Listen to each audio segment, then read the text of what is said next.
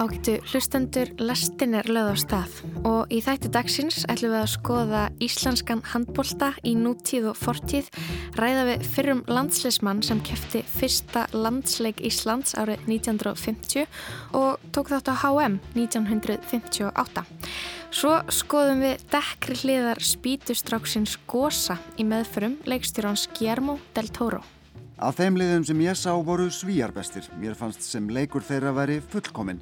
Þar væri allt eins og það ættið að vera. Hraði, örugt grip, nákvæma sendingar, leikandi samleikur og virkur.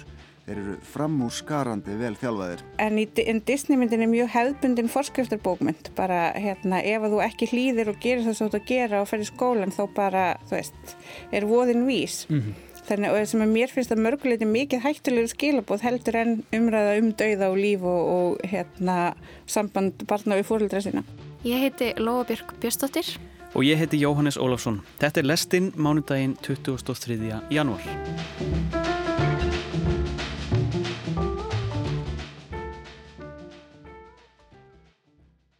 Við ætlum að byrja þennan lestarþátt á handbóltanum og þessu kunnulega lægi sem vekur eflaust sterkar og blendnar tilfinningar hjá mörgum á þessum mánudegi.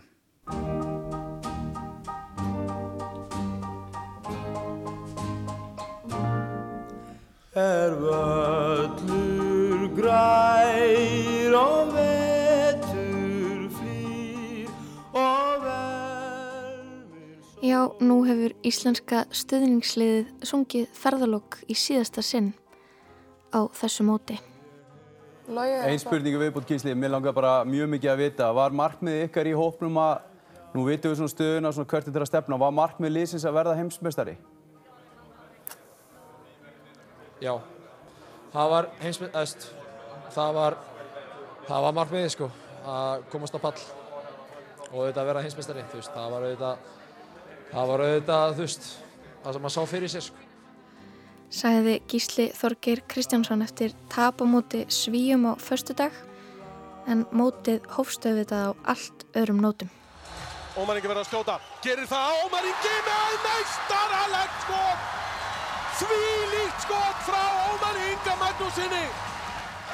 13 sekundur, bara spurningum, 1, 2, 3 mörg, Björgvin Pott, Björgvin Pott, yfir allan völlin, Björgvin Pott Gustafsson, Kórónar Sindag, með 19. markið sínu fyrir landslið, verð svo loka skotið hér, við segjum að þetta hafi verið 11. skotið sem hann verð, besti maður vandalinn, Björgvin Pott Gustafsson, 35% markfasta og loka markið hjá Íslandi.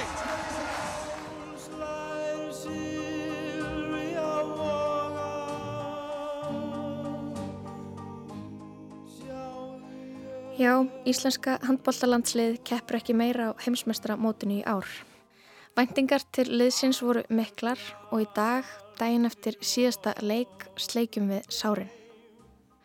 Ég horfið á alla leiki Íslands á mótinu og að sjálfsögðu á allar HM-stofunar. Ég fór í fiskbúð Fúsa til að spyrja Sigfús Sigursson fyrir um landsleismann í handbólta út í mótið því að ég hafði svo mikla þörf til að ræða þetta við eitthvað sem hefði insýn, hefði verið þarna áður, staðið í sömu spórum og strákanir. Ég var alltaf að geta að hugsa um mikið annað en handbóltan, strákana í liðinu, vörnina, stuðuna í riðlinum og rauða skósóla Lóa Gerssonar í HM-stofunni. Ég horfi mikið á handbólta þegar ég var lítil.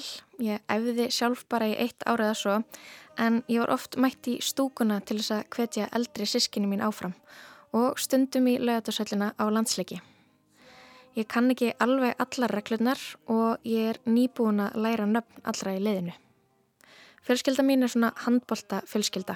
Mamma mín og sýstrennar öskar svo hátt þegar það er leikur í gangi að það sker í eirun og nú er ég orðin eins. En afi minn, hann öskar ekki yfir leikjum. Afi minn, Valur Benditsson, var landsleismæður í handbólta. Hann fættist árið 1929 á Fáskursferði og er 93 ára í dag. Hann fluttist til Reykjavíkur 6 ára og á úlingsárunum fór hann að efa handbólta með val. Árið 1950 kæfti Íslenska landsliðið sinn fyrsta landsleik hér á Íslandi á móti Finnum og Afi var í liðinu. Hann skoraði fyrsta markið fyrir hönd Íslands. Manstu eftir þessum leikamóti finnum, manstu þegar þú skoraðir fyrsta markið? Já, já, ég man það vel. Það er svo sægilegt ekki að glemja því sko. Þetta er stór viðbyrður, það er skora mark.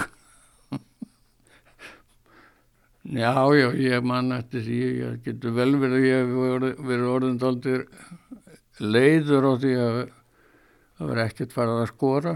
Ég var nú, spilaði nú aðalega varnaleg og þá var allt annur, allt annur uppstilling á liðum. Það spiluðu þrýra í vörð og þrýri sókn og það var skipt, skipt á sókninni allri þremmannum í einu en varnamennin spiluðu allan leikin.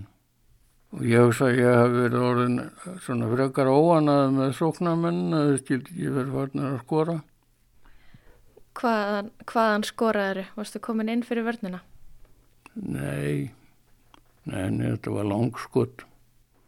Yfir alla vörnina og yfir, fram? Ég bara fram hjá henni. Mm -hmm. Já, já, það gerir það. Þannig að þú bara dundraðir eins og Aron Pálmarsson? Nei, nei, nei, ég var, var nú að hæfa sko, skotmaður. Elliði Stær Viðarsson átti líka frábæran dag, fjögumar, fastur fyrir og góður í vörninni og tvær stóðsendingar. Skulum ekki gleyma því, hann mun alltaf hann aldrei gleyma því.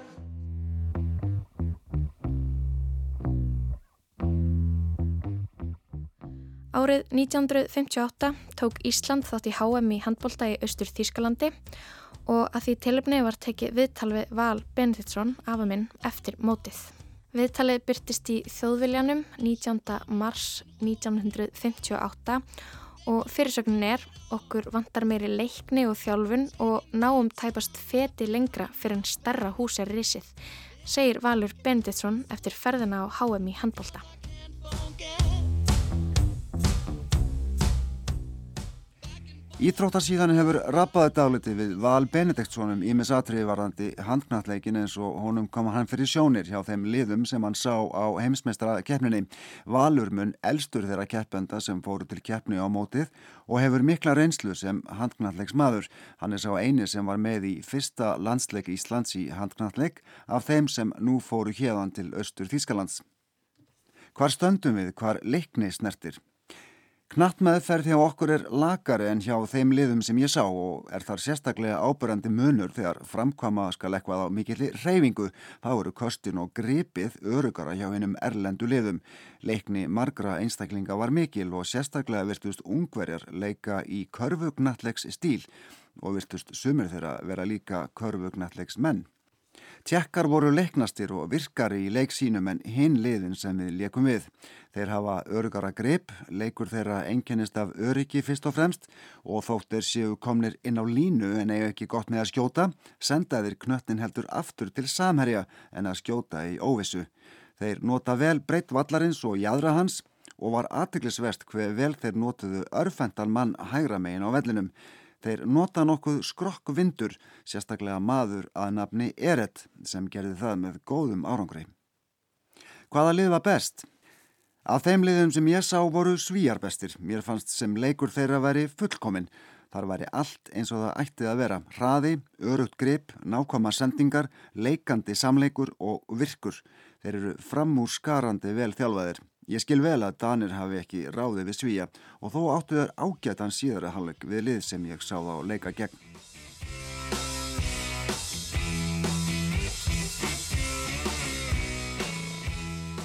Ég fór til Ava í Efstasundið í sama hús og hann bjói þegar hann kefti á HM 1958 til þess að tala við hann um handbólta.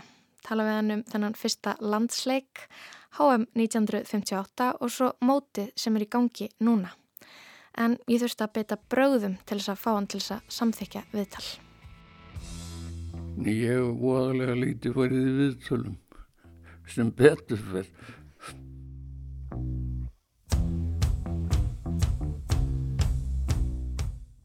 Erstu búin að fylgjast með öllum leikjónu sem Ísland kefti á HM í handbólta núna? Já, já. Ég er reyndið. Náður að fylgjast með hinum leðanum líka? Já, því og ekki allt. hvaða lið finnst þér að hafa svona staðið upp úr á, á þessu móti hinga til? Já, þeim sem ég hefur séð á Svíðarnir gert það. Þannig hef ég ekki séð alla leikina svo þess að ég en af þeim sem ég hefur séð þá var Svíðarnir staðið sér best. En þarna 1950, þessi fyrsta leikur, hann var í Vesturbænum, var það ekki? Það var á meðlefallinu. Það var sérst úti? Út, já, já, úti leikur. Það er alltaf, það er alltaf annar leikur heldur hann á gólfi. Og hvernig er það möl bara undir? Já, já, já. Það gengur ekkert sérstaklega vel þá að drippla boltanum eða? Já, það er, það er aðalega, það er einhver, einhvern veginn mótstafa meiri í loftinu. Ég kann ekki að skýra það. Það var eitt svona sem vakti, annað sem vakti aðtikli mín við þann leik er að hann fór þrjú-þrjú. Þannig að hvað hva var til þess að það eru skor svona fá mörki í þessum leik? Já, það, ég get nú ekki sagt það, ég það var, var af, hverju, af hverju það var, það var nú stóð nú 2-0 fyrir, fyrir finna í hálfleik, þannig að við höfum greinilega ekki verið óðalega spröytir. Getur það ekki verið vegna þess að já, þið voru fyrsta legi úti? Já, það er, það er miklu verið að detta þarna, það er það er svo margt sem er, er viðar úti heldur en á, á gólfi. En svo hefur leikurinn líka breyst tölvert á þessum 60-70 árum síðan þeir að keppa hann fyrst. Hvernig hefur hann breyst? Já, miklu, miklu meiri hraðri. Það er nú aðalega það. Það var mikið um tekniska handnættismenn á þessum árum, strax 58 en það er bara miklu meiri hraði og harka í leikjónum í dag. Það er samt líka kannski búið að breyta einhverjum svona grundvallar atrið. Það er alls konar hluti sem, að, sem má núna sem mátti ekki þá, er það ekki? Já, það, hann, hann hefur breyst mikið leikunum. Mm -hmm. Það er nú ekki alltaf bótað svo. Þegar þú horfir á svona handbóltalegi, hvort erst að horfa meira á það eins og fyrrum leikmaður eða fyrrum dómari? Ég held að það sé nú erfitt að skilgreina það. Ég hef horfað náttúrulega í, í báðan tilfellunum, bæðið sem dómari og leikmaður. Sko, um rætta áður og, og ég veldi mikið fyrir mér svona þegar ég horfa handbólta. Þetta getur verið svo tæpru leikur að hvernig, hvernig fer með svona hausin á manni þegar að já, bæði þegar það gengur vel og þegar það gengur illa. Um, þó að maður sé mér rosalega gott lið já, sterkir handbóltamenn í liðinu og, og svo missir maður niður svona leik. Hvaða áhrif hefur það á hausin í leiknum? Nú erfitt að svara því það nú svo mest eftir hver, hver það er. Þetta er svo afan miðsjátt hvernig mun taka þessu. Og hvernig tókst þú þessu svona? Þegar þú varst að keppa og þið voru búin að kannski fá okkur aðeins og mörg mörg eða voru að missa niður leikin fórstu í meiri ham eða fór, fór einbettingin? Ég húsa að ég hef nú farið meiri ham. Ég rekna með því Sko, nú er ég búin að vera að skoða já, viðtal sem að teki við þig eftir að þið fóruð út til Austur Þýskaland og keftuð á HM 1958 mm -hmm. og þar kemur fram að það hefur svo sem ekkert gengið neitt sérstaklega vel hvernig mannst þú eftir þessu móti? Já, nú var það ansið langt síðan ansið langt síðan Já, ég man það sem ég man að það var það var nú svona frekar dabult það var það gekk ekki nógu vel þetta með í leikjanum. Það var nú tap á móti tjekkunum fyrst og sem var nú sko beðilegt. En annars man ég óðarlega lítið eftir þessu. En tilfinningin svona þegar þú hugsa tilbaka og reynir að rifja upp mótið, situr í þér tapið? Er það tilfinningin sem þú tengir við þetta mót? Nei, það var margt, margt gott þarna En það voru mistök eins og gengur og gerist. Mástu hvernig mistök? Ég mér fannst það nú í þessu tilfelli vera tátti stjórnuna með mistök með hvernig var lagt upp með leikina. Já, svona svo, hvernig svona þjálfarin vildi að þið spiluðið? Mm. Hvernig þjálfarin vildi að þið spiluðið? Leikkerfið þannig? Já, það var líka, líka já, leikkerfin, það, það voru mistök gerðið því. Já, já. Þannig að það er búðalega erfitt að fara að rifja það upp hvernig það var. Það, var. það er ólangur tími til þess að munna. I've paid my dues time after time Telur þú að þið hafið lært mikið á ferðinni? Ég tel að við höfum lært margt af ferðinni en við komumst ekki feti lengra nema að fá stærra hús til að æfa í og keppa. Skipulega leiksins verður allt annað í stóru húsi. Við getum þó eftir leikni ef það er tekið réttum tökum og úttalt getum við einnig eftir og það verðum við að æfa meðan við höfum ekki yfir að ráða stærra húsi. Og með meiri æfingu og meiri leikni hefum við komist lengra í keppninni í þessari ferð.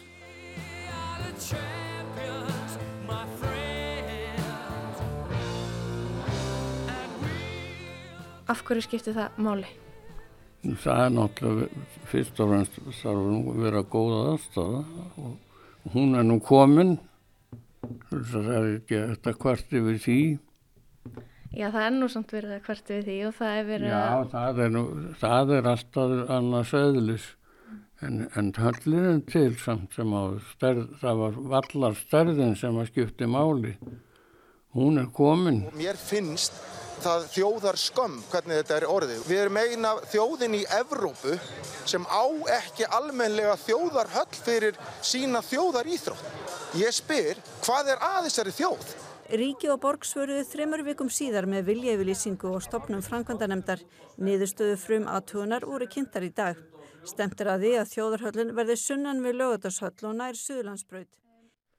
Svo tölum aftur um uh, svona hausinn og hugafarið það er mikið verið að tala við strákana í liðinu í HM stofinni og Gísli Þorgir sæði eftir leikin á móti hérna, svíjum mm -hmm. sem við töpum það vantæði killar í lið það vantæði eitthvað svona drápseðli í lið og það er oft verið að tala um anda og mhm. drápseðli Já, ég það var ekki mikið um það í íslenska liðinu hins vegar var greinilegt að markmaðurinn var í miklu, miklum ham hjá svíjónum.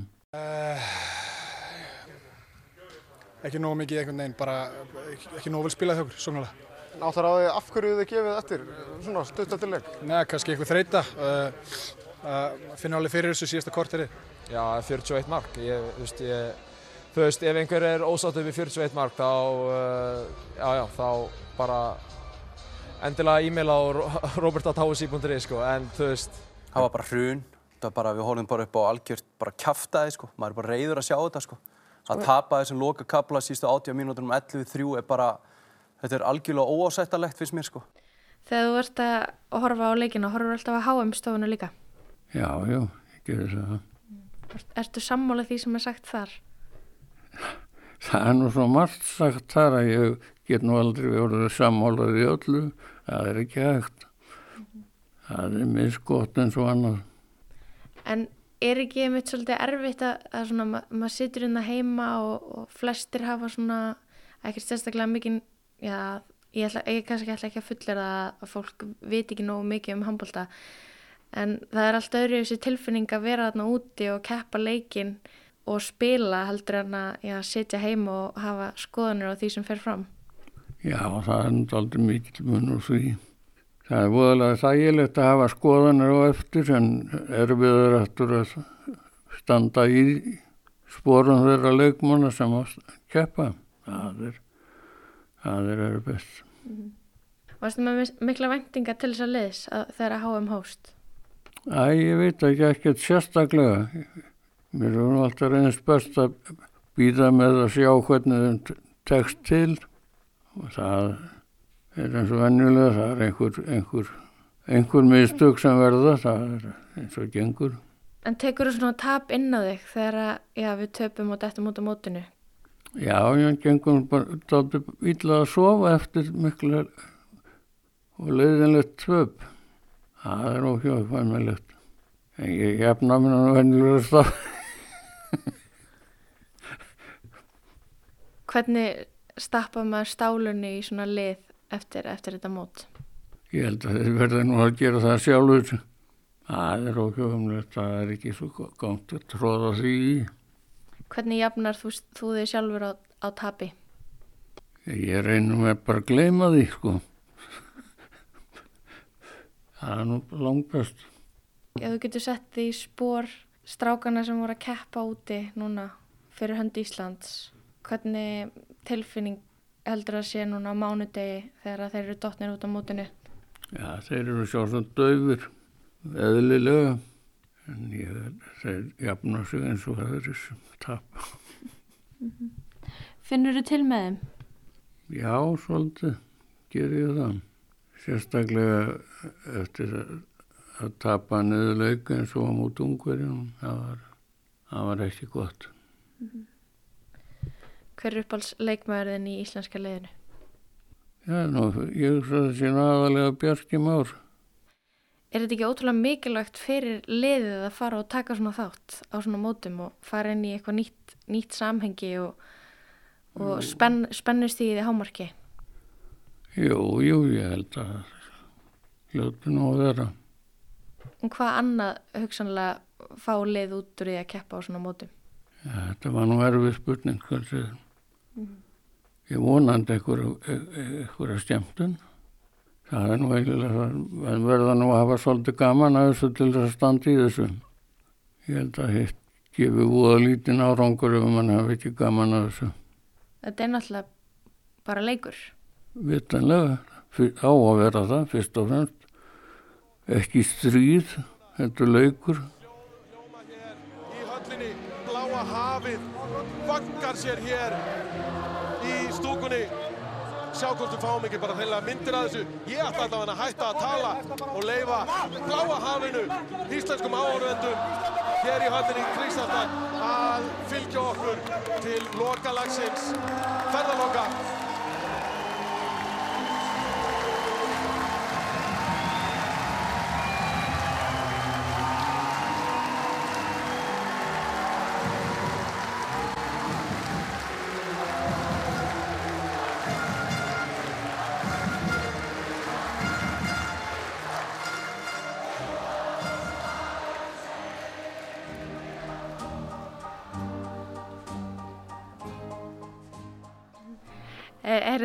Er, eitt sem ég langar að vita. Voru margir áhörðandi mættir til þess að horfa á okkur mæta finnum? Það er nú svo engjanlegt með það að ég, alltaf þegar ég kefti, ég hefði ekki hugmyndum hvað, voru, hvað skota voru áhörðundur yfir lut. Þegar ég var svo gjörsanlega laus við að vera að skoða það. Þú tókst ekki eftir áhörðundunum? Ég, ég, man, ég man ekkert eftir þeim. Nei. En nú er alltaf að tala um að, að stöðningurinn okkar skiptir svo miklu máli að, að leikmenni finni fyrir því að, að það er mikilvægt að hafa góða stúku og hún standi þjættu baki á þeim. Skiptir þetta máli í leiknum? Ég held að á skortin og aðalega einbeitingu ef þeir þurfu endilega stuðningu utan að. Erstu hjátrúa fullir í sambandi við íþróttir? Nei. Ok. Ég er það, að kveikja kerti og banna að horfa, líta af sjónvarpinu, banna að segja þessi að fara að vinna, banna að segja þessi að fara að tapa, engar yfirlýsingar um leikina. Nei, mér finnst það nú ekki dægilegt að vera með yfirlýsingar fyrir hennum. Það er ekki gott að gera það. Það er að halda fram að fylgjast með HM núna þegar Íslandi dottuð út? Já, já, ég gerir það. Þú erstu búin að finna nýtt lið til að halda með? Nei, ég var nú eftir að skoða þau betur þessi lið sem eru eftir. Ég var eftir að gera það.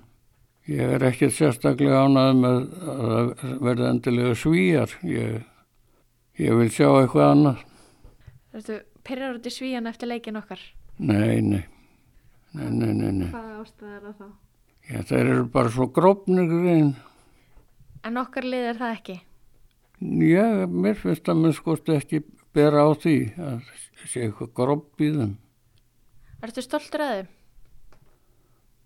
Já, já, mér finnst það. Ég held að, ég, ég held að leikmennir hafi staðið sér nógu vel. En það er ímislegt annað sem það þarf að ganga upp til þess að velgangi. Mm -hmm. Já, ég samla því. Þetta er, mjög, þetta er flókið samspil.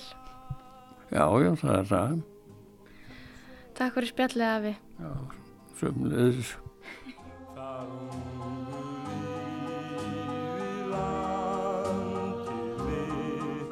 mun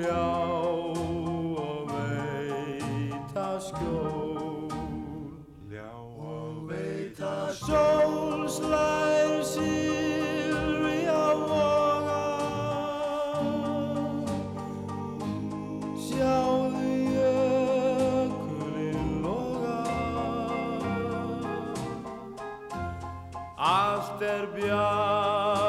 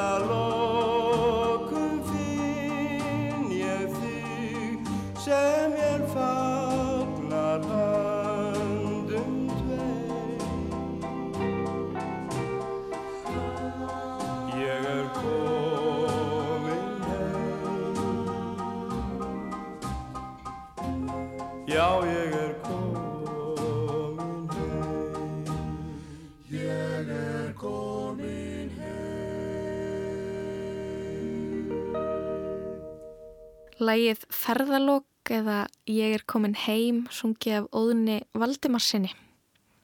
Jónis, þú ert búin að komast að meiru um þetta lag sem við Íslandingar höfum heyrt svo oft undanfarnar daga. Já, ég allavega hafði heyrt að þetta væri ekki, sko, lægið væri ekki eftir Óðinn Valdimarsson og ég var eitthvað búin að kynna mér hver samtíða en ég þekki það tónskald ekki mikið. Það, uh, hann heitir Emmerich Kalman, eða Kalman.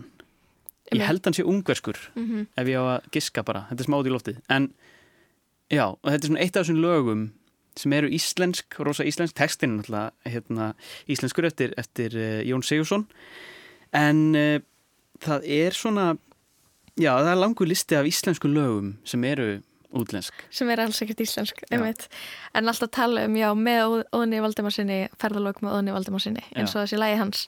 En hann syngur það vissulega. Já. En uh, já, við, ég rætti þarna við afamenn, Val Benditsson, um handbólta. Það var nöðsynlegt að gera hann upp í dag og það er eflust verið að gera það um allan bæ.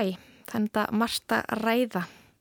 Það er áhugavert sko þegar að rifja upp HM 1958 hvað er margt líkt með því móti og, og, og núna. Það var að tala um sömu liðin sem að liðinu stóð okna af, það voru svíjarnir voru bestir og, og það vantar nýja höll og hvernig ungverðinni spiluðu og, svona. Þannig að En svo má náttúrulega ekki gleyma því að HM er ekki búið. Það, Já, er, það er svolítið eftir. Ert þú, ert þú búin að finna leið til að halda með það? uh, Ég að halda með Svíþjóð Vá, hvernig getur þú gert það? Eh, bara fútla móti sko. Oh Nei, en svo held ég líka varðandi handbólta að margir Íslendingar átti sér mjög seint á því hvað þetta er mikið jaðarsport í heiminum. Mm, mhm. ég er einn, af þeim. Ég, veist, ég upplýði alltaf bara uh, handbólti var í þjóðar íþrótt og, og sem það er. Og þetta er ótrúlega grípandi íþrótt. Ég Mhm, bara, mjög spennandi. verandi svona ekki, ekki mjög mikill íþrótta unnandi þannig séð en ég horfa á handbólta og bara ég gýrast upp sko. Mhm. og en við erum samt að tala um jáðar íþrótt, er, það eru rosalega fá sko lið fáar þjóðir sem spila þetta mikið. Já, vinið mínir voru stattir í, í London í senstu viku og ætlaði að reyna að sjá leikina mútið svíjum og það var ekki finnandi stað í, í, í þessari stóru borg sem að síndi leikin. Það, engin, það er engin breyti að byggja um að fá að horfa á neitt háum í handbóltaleik Nei. sko. Það var eitthvað staðir á vegum Íslandinga sem að þau bröðu á það ráða bara sína, sína leikin á, á staða sem var Íslandingur að vinna sem gæti eitthvað neginn, já, smala saman öllum Íslandingum í London sem vildu að horfa á leikin. En annars þá bara þessi stóra íþróttathjóð sem að missir ekki að fókbóltaleik mm -hmm. vil ekki sjá handbólta. Nei. En Íslandingar redda sér bara, þeir finna handbóltan eitthvað staðar. En uh, við ætlum að skipta eins og gýr hérna í lestinni. Um, í fyrra kom nefnilega út uh, bíómynd á Netflix en ein myndin um spítustrákin Gosa. Uh, það eru til, sko, ég veit ekki, hundruðir endurgerða og, og aðlægana af þessari frægu ítölsku barnasögu frá setin hluta 19. aldar En uh, þessi nýja mynd er eftir, já, fyrðu sagnamestaran Guillermo del Toro sem að uh, hlaut Óskarinn fyrir uh, Shape of Water til dæmis og það er kannski ekki skrítið einhvern veginn að hann takja að sér að, að gera þessa mynd. Hann dregur fram svona dökkar og dölar fulla, dökka og dölar fulla þræði í, í þessari sögu, það er dauði og fasismi og alltaf bara þetta. Við ætlum aðeins að skoða gósa hérna næst.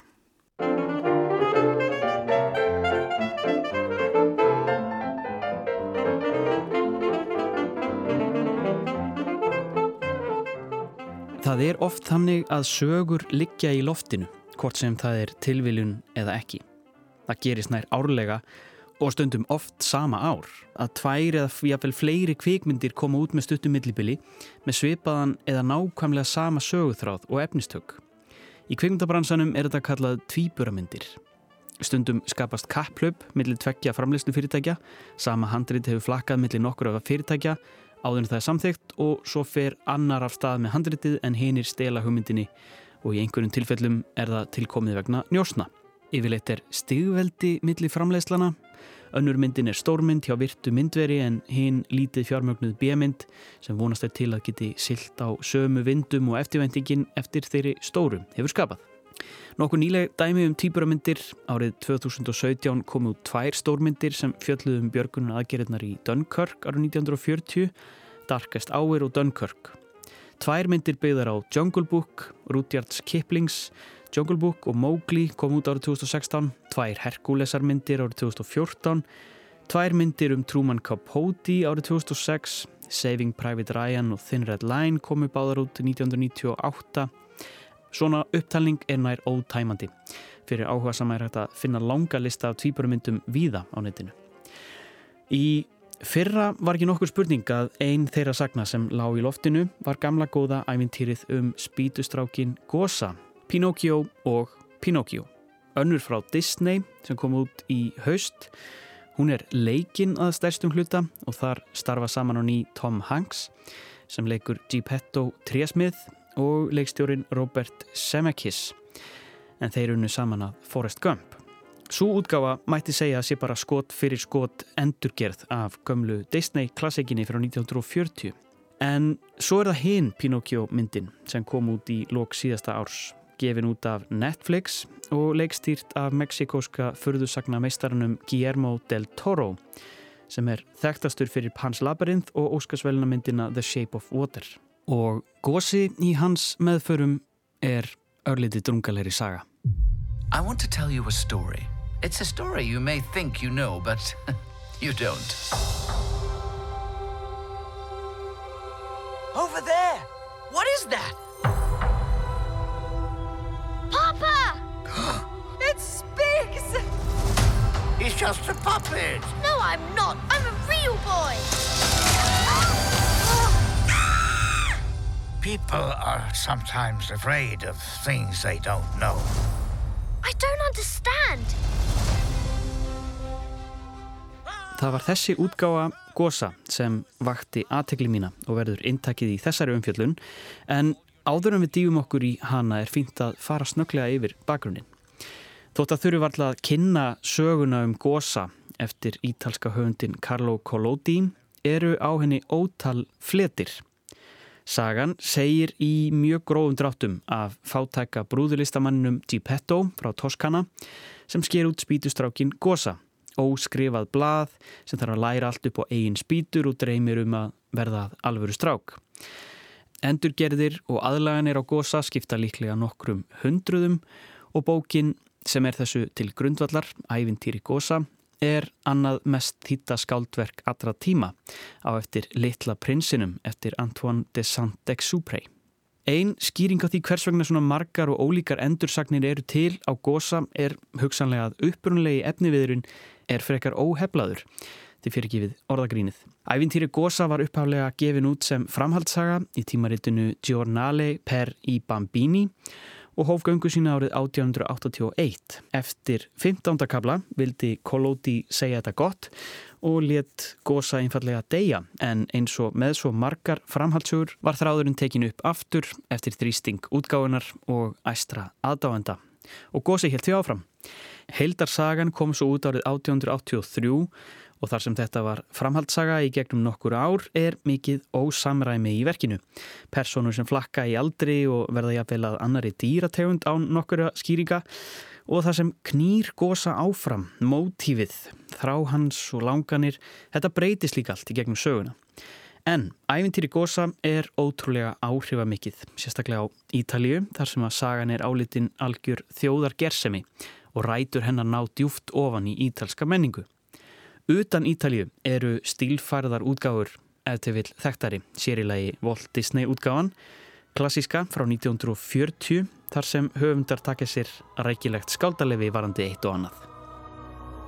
When you wish upon a star makes no difference who you are Til að mynda nefið fræga sem lengist þegar gósi lígur Þetta er ekki beint í bókinni. Nefið lengist reyndar tvísvar þrísvar en ekki vegna lega. Og í Disney og öðrum nýri útgáfum er lítil persona gerðað stóri, jáfnvel sögumannunum sjálfum. Hinn samvisku sama siðferðis engisbretta, Sebastian. Sú persona í frumtakstunum ber ekki einu svoni nafn. Hún segir gósastutlega frá gildi hlýðninar, snemma í verkinu en er í sömu andra á drefin, að gósa með hamri. Reyndar snýr hún aftur setna sem einhvers konar draugur. Og svo er það kannski stærsti munurinn. Disney-útgáfan gerist ekki á Ítalju, heldur einhverjum hlutlausum evróskum stað, mögulega Sviss. Allir líklegasta skýringin sé ekki svo að sama ár og teknimyndin kom út, lísti Mussolini yfir stríði við Bretland og Frakland og fasismin var á uppleið. Og það þótti eflaust illa tímasett að gera ítalska barnamyndi fullri lengt. En það er einmitt hér við fasismann sem það er viðegandi að staldra við gósaútgáfu Guillermo del Toro á Netflix.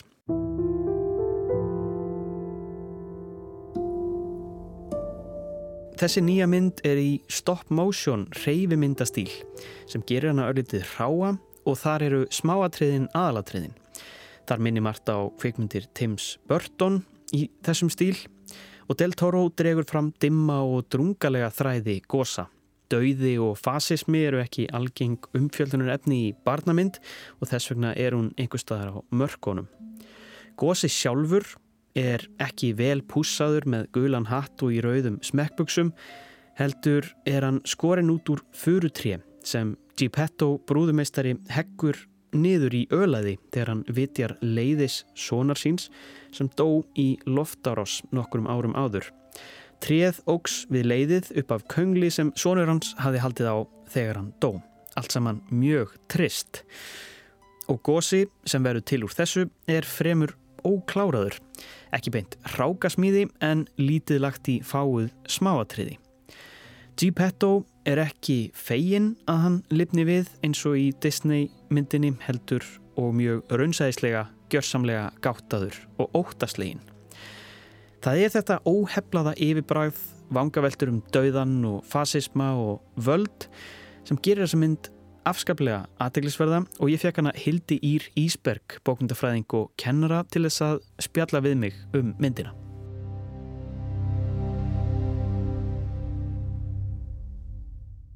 Uh, mér, mér fannst eiginlega strax koma í ljós að þetta var, uh, hún er gríðarlega falleg, mikið fallegri en aðrar góðsamyndir sem ég séð uh, og, og allt myndmál í kringum góðsa finnst mér oft svolítið svona ofhlaðið og hérna oflítríkt einhvern veginn en þessi mynd er svona tónið nýður og dempuð og rosalega fallega gerð. Það, ég held að það hefur kannski verið, uh, hún er svona dekkri, bara ekki, ekki bara í efnistökum, heldur líka bara hreinlega í útliti mm.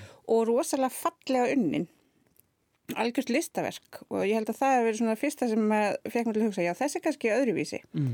Um, smá svona Tim Burton andrumsloft. Já og, og þú veist það skila sér bara strax einhvern veginn í útlits hérna hönnurinni. Mhm. Mm og hérna, skemmtilegt hvernig er unnið, ég var líka ánað með að þeir leggja áherslu á í tungumálinu svona þeir blanda ítölsku og ennsku, stundum tala personar aðeins saman og ítölsku sem er mér fyrst áhugavert að hérna, mm. leggja áherslu á þá tengingu. Þannig að já, það er svona kannski eitt af því fyrsta.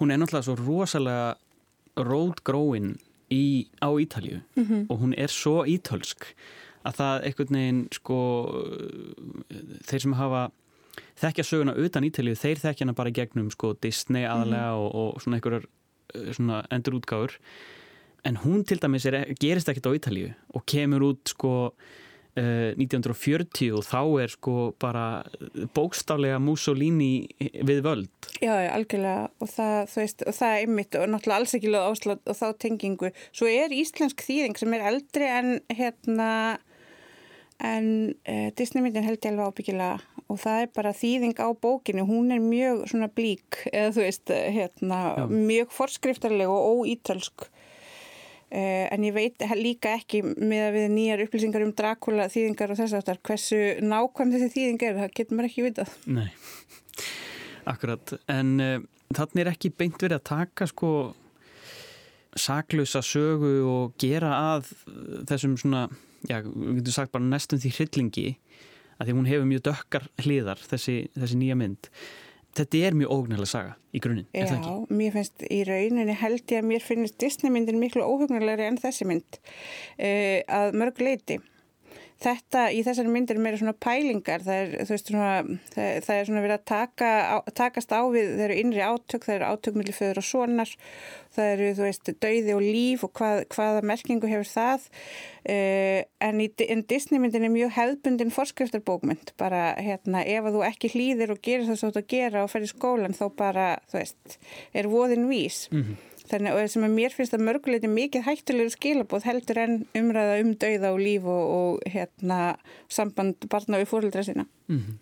Og talandum hlýðinni þá er náttúrulega, það er einn af líkil þráðunum í sögunni, það er svona fylgispekt og, og, og hlýðinni og hvað má og hvað má ekki og það eru svona móralskir undirtónar og yfirtónar, allir bara, allt umlíkjandi.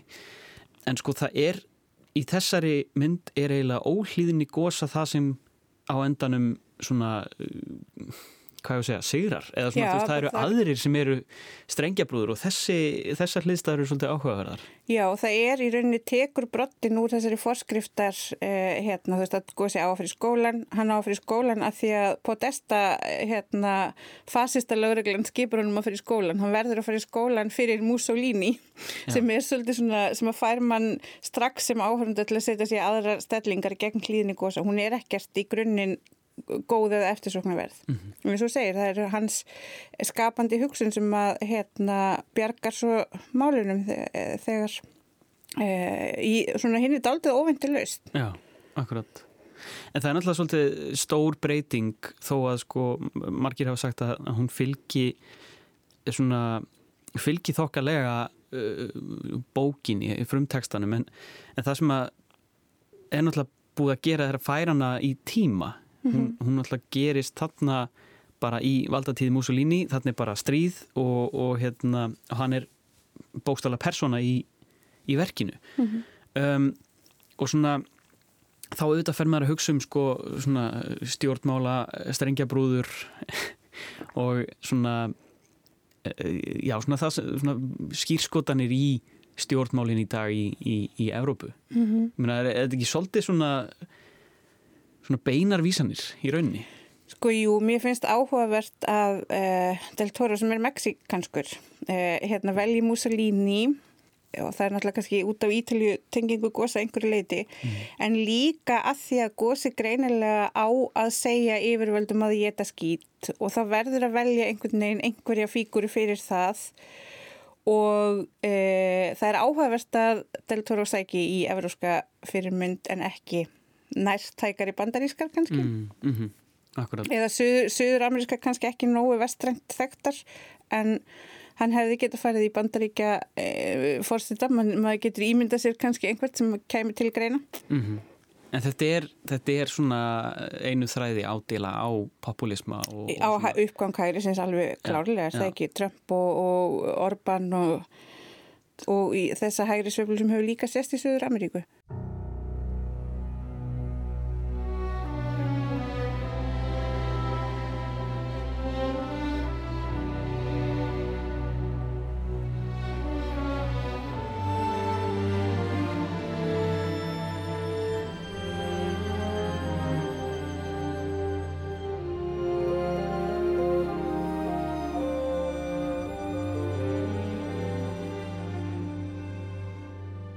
Ég myndi ekki endilega að horfa á hana með hvaða barni sem er, allavega ekki hvaða litlu barni sem er. Hún er einhvern veginn, samt held ég að það sem okkur finnst hryllingur, uh, ég held að það myndi ekki hræða lítil börn.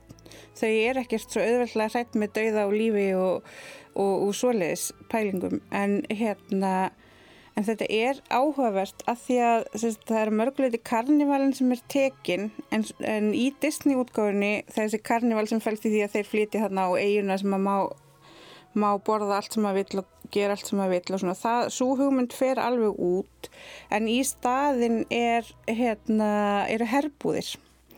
En á móti kemur að e, í herbúðunum vinnur kásin en í uh, astna sagt, í, í, á æfintireginu verður allir astnar mm -hmm. þannig að það er öðru vísi og svo finnst mér líka áhugavert að, að því að það tala um byrði og ást og kannski er einhvers konar niðurstaða myndarinn að ástin sé alltaf byrði en byrði sem við viljum bera. Við viljum alveg skipta út uh, borga sársöka fyrir að elska. Mm -hmm. og Mér finnst áhverst að sitta í samhengi við til dæmis myndina Encanto sem kom fyrir árið síðan. Uh, ég hugsaði, er þetta liklabatna kynsluðin að hérna sem er búin að fara í terapíu og þú veist, er að vinna úr sínum fjölskyldum málum, Föður, fadir og sonir og, og, og kynsluða tráma og hérna og svona ákveðið uppgjör. Þannig mér finnst það líka áhugavert að hérna að það er sagt, hugmyndin um hið ófullkomna foreldri Hann Jakob, eh, sem að mjög skrítið heiti Jakob á íslensku, pappi Gosa, mm -hmm. hann er ekkert fullkomi fóreldri. Eh, kvorki fyrir eh, Karlo, eh, lifandi svonsinn, nýja Gosa. Og hérna, og, og við sjáum, við fáum að sjá það og við fáum að sjá að e, Gósi elskar hann samt og hann elskar Gósi samt þó hann sé ekki fullkominn og hann gerir mistök sem er einhvern veginn aldrei alveg leist, þau eru bara þarna mm. og það er svo selgeft að fá að sjá ófullkomið fóreldri uh, og það er enginn leist náði, það er bara allt í lagi að vera ófullkomið fóreldri. Ég held að það sé ágætti minna að skila búið fyrir fóreldra sem horfa þessum mynd. Mm. Og svo er líka engisbrettan sem að uh, Sebastian sem að já, er bara svolítið sjálfselsk í, í þessari mynd og er í rauninni svona bóðskapurinn hennar er bara svona við gerum öll mistök og við erum bara öll að gera okkar besta. Það er svona mm -hmm. svolítið það, tótnin í, í, í hennar frásögn. Gósi kennir um það og hann, og, hérna, hann kennir Gósa það og Gósi kennir um það tilbaka og það er að hún, sko málið er að eða mér fannst eigingirni vera bara svolítið þema, það eru allar personur í þessu verki eigingirnar. Mm. Hvað er það annað en eigingirni að e, skapa gósa til að byrja með? Þú vilt ekki leifa sinniðin um að kvíla í friði, mm. áherslinir og þínar tilfinningar. Þú vilt, þú skallt fá hann tilbaka. Mm. Þetta er eigingirni. Uh, Tumi Ingisbretta í Disney er líka eigingjarn, uh, þó hann sé svona, það sé kannski mála ljósari litum. Gósi í þeirri og þessari mynd er eigingjarn og þá snýr kannski Gósi er svo falleg persóna í þessari mynd sem að mér, ég upplifa hann ekkert sérstaklega skemmtilega nefnilega í Disney myndinni. Ég fíla hann ekki þar. En hann er miklu fallegri einstaklingur í þessari mynd af því að hann er alltaf að læra og hann leggur sér svo mikið fram mm. og hann er, þú veist, hann fær svona svigrum til að þroskast, til að taka út ákveðin svona tilfinningaþroska og það er svolítið skemmtilegt að fylgjast með honum verða hérna, þú veist, hann fær einhvern veginn svigrum til að vera uh, ungur einstaklingur í vexti sem að mér finnst gósi í Disney ekki fá og hann, á hann er lögð krafa um fullkomnin bara strax.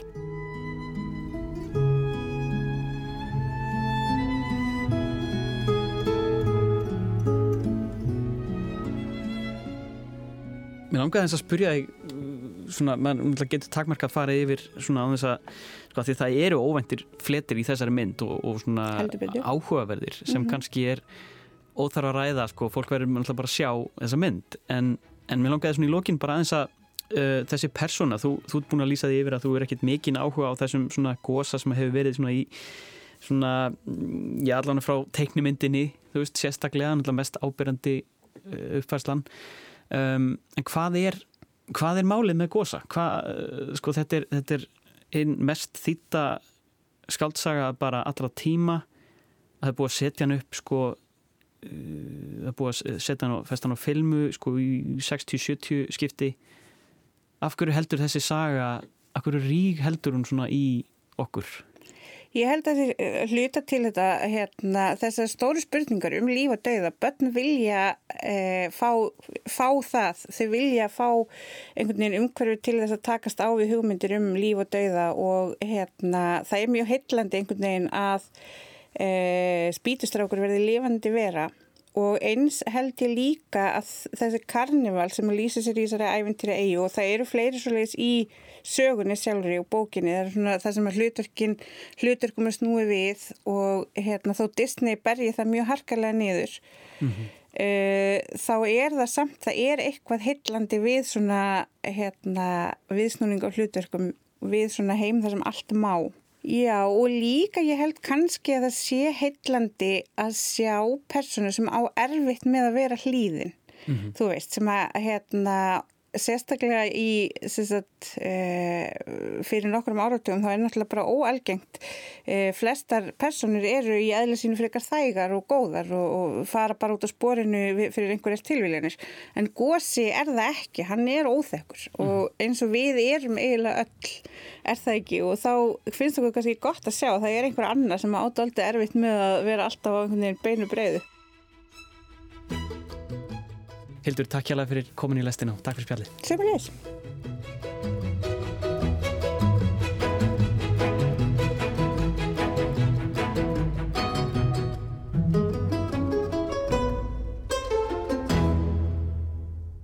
Tónlist eftir Alexander Desplat við nýja gósa aðlugun Guillermo del Toro, Pinocchio heitir hún og er á Netflix. Ótrúlegt hvernig þessi mynd heldur áfram einhvern veginn að já, stinga nefinu langa upp á yfirborðið. 150 árum eftir uh, útgáfi bókarinnar. En uh, ég mæli með þessari mynd. Hún er, hún er dökk og, og drungaleg og, og skrítin. Mm -hmm, Hljóma vel. Já, en það virðist vera komið að endalögum hérna í lestinni í dag. Þátturinn verður ekki mikið lengri að sinni. Tæknumæður var Kormákur Marðarsson ég heiti Lóabjörg Björnstóttir og ég heiti Jóhannes Ólásson Við þakkum fyrir okkur. Verðið sæl.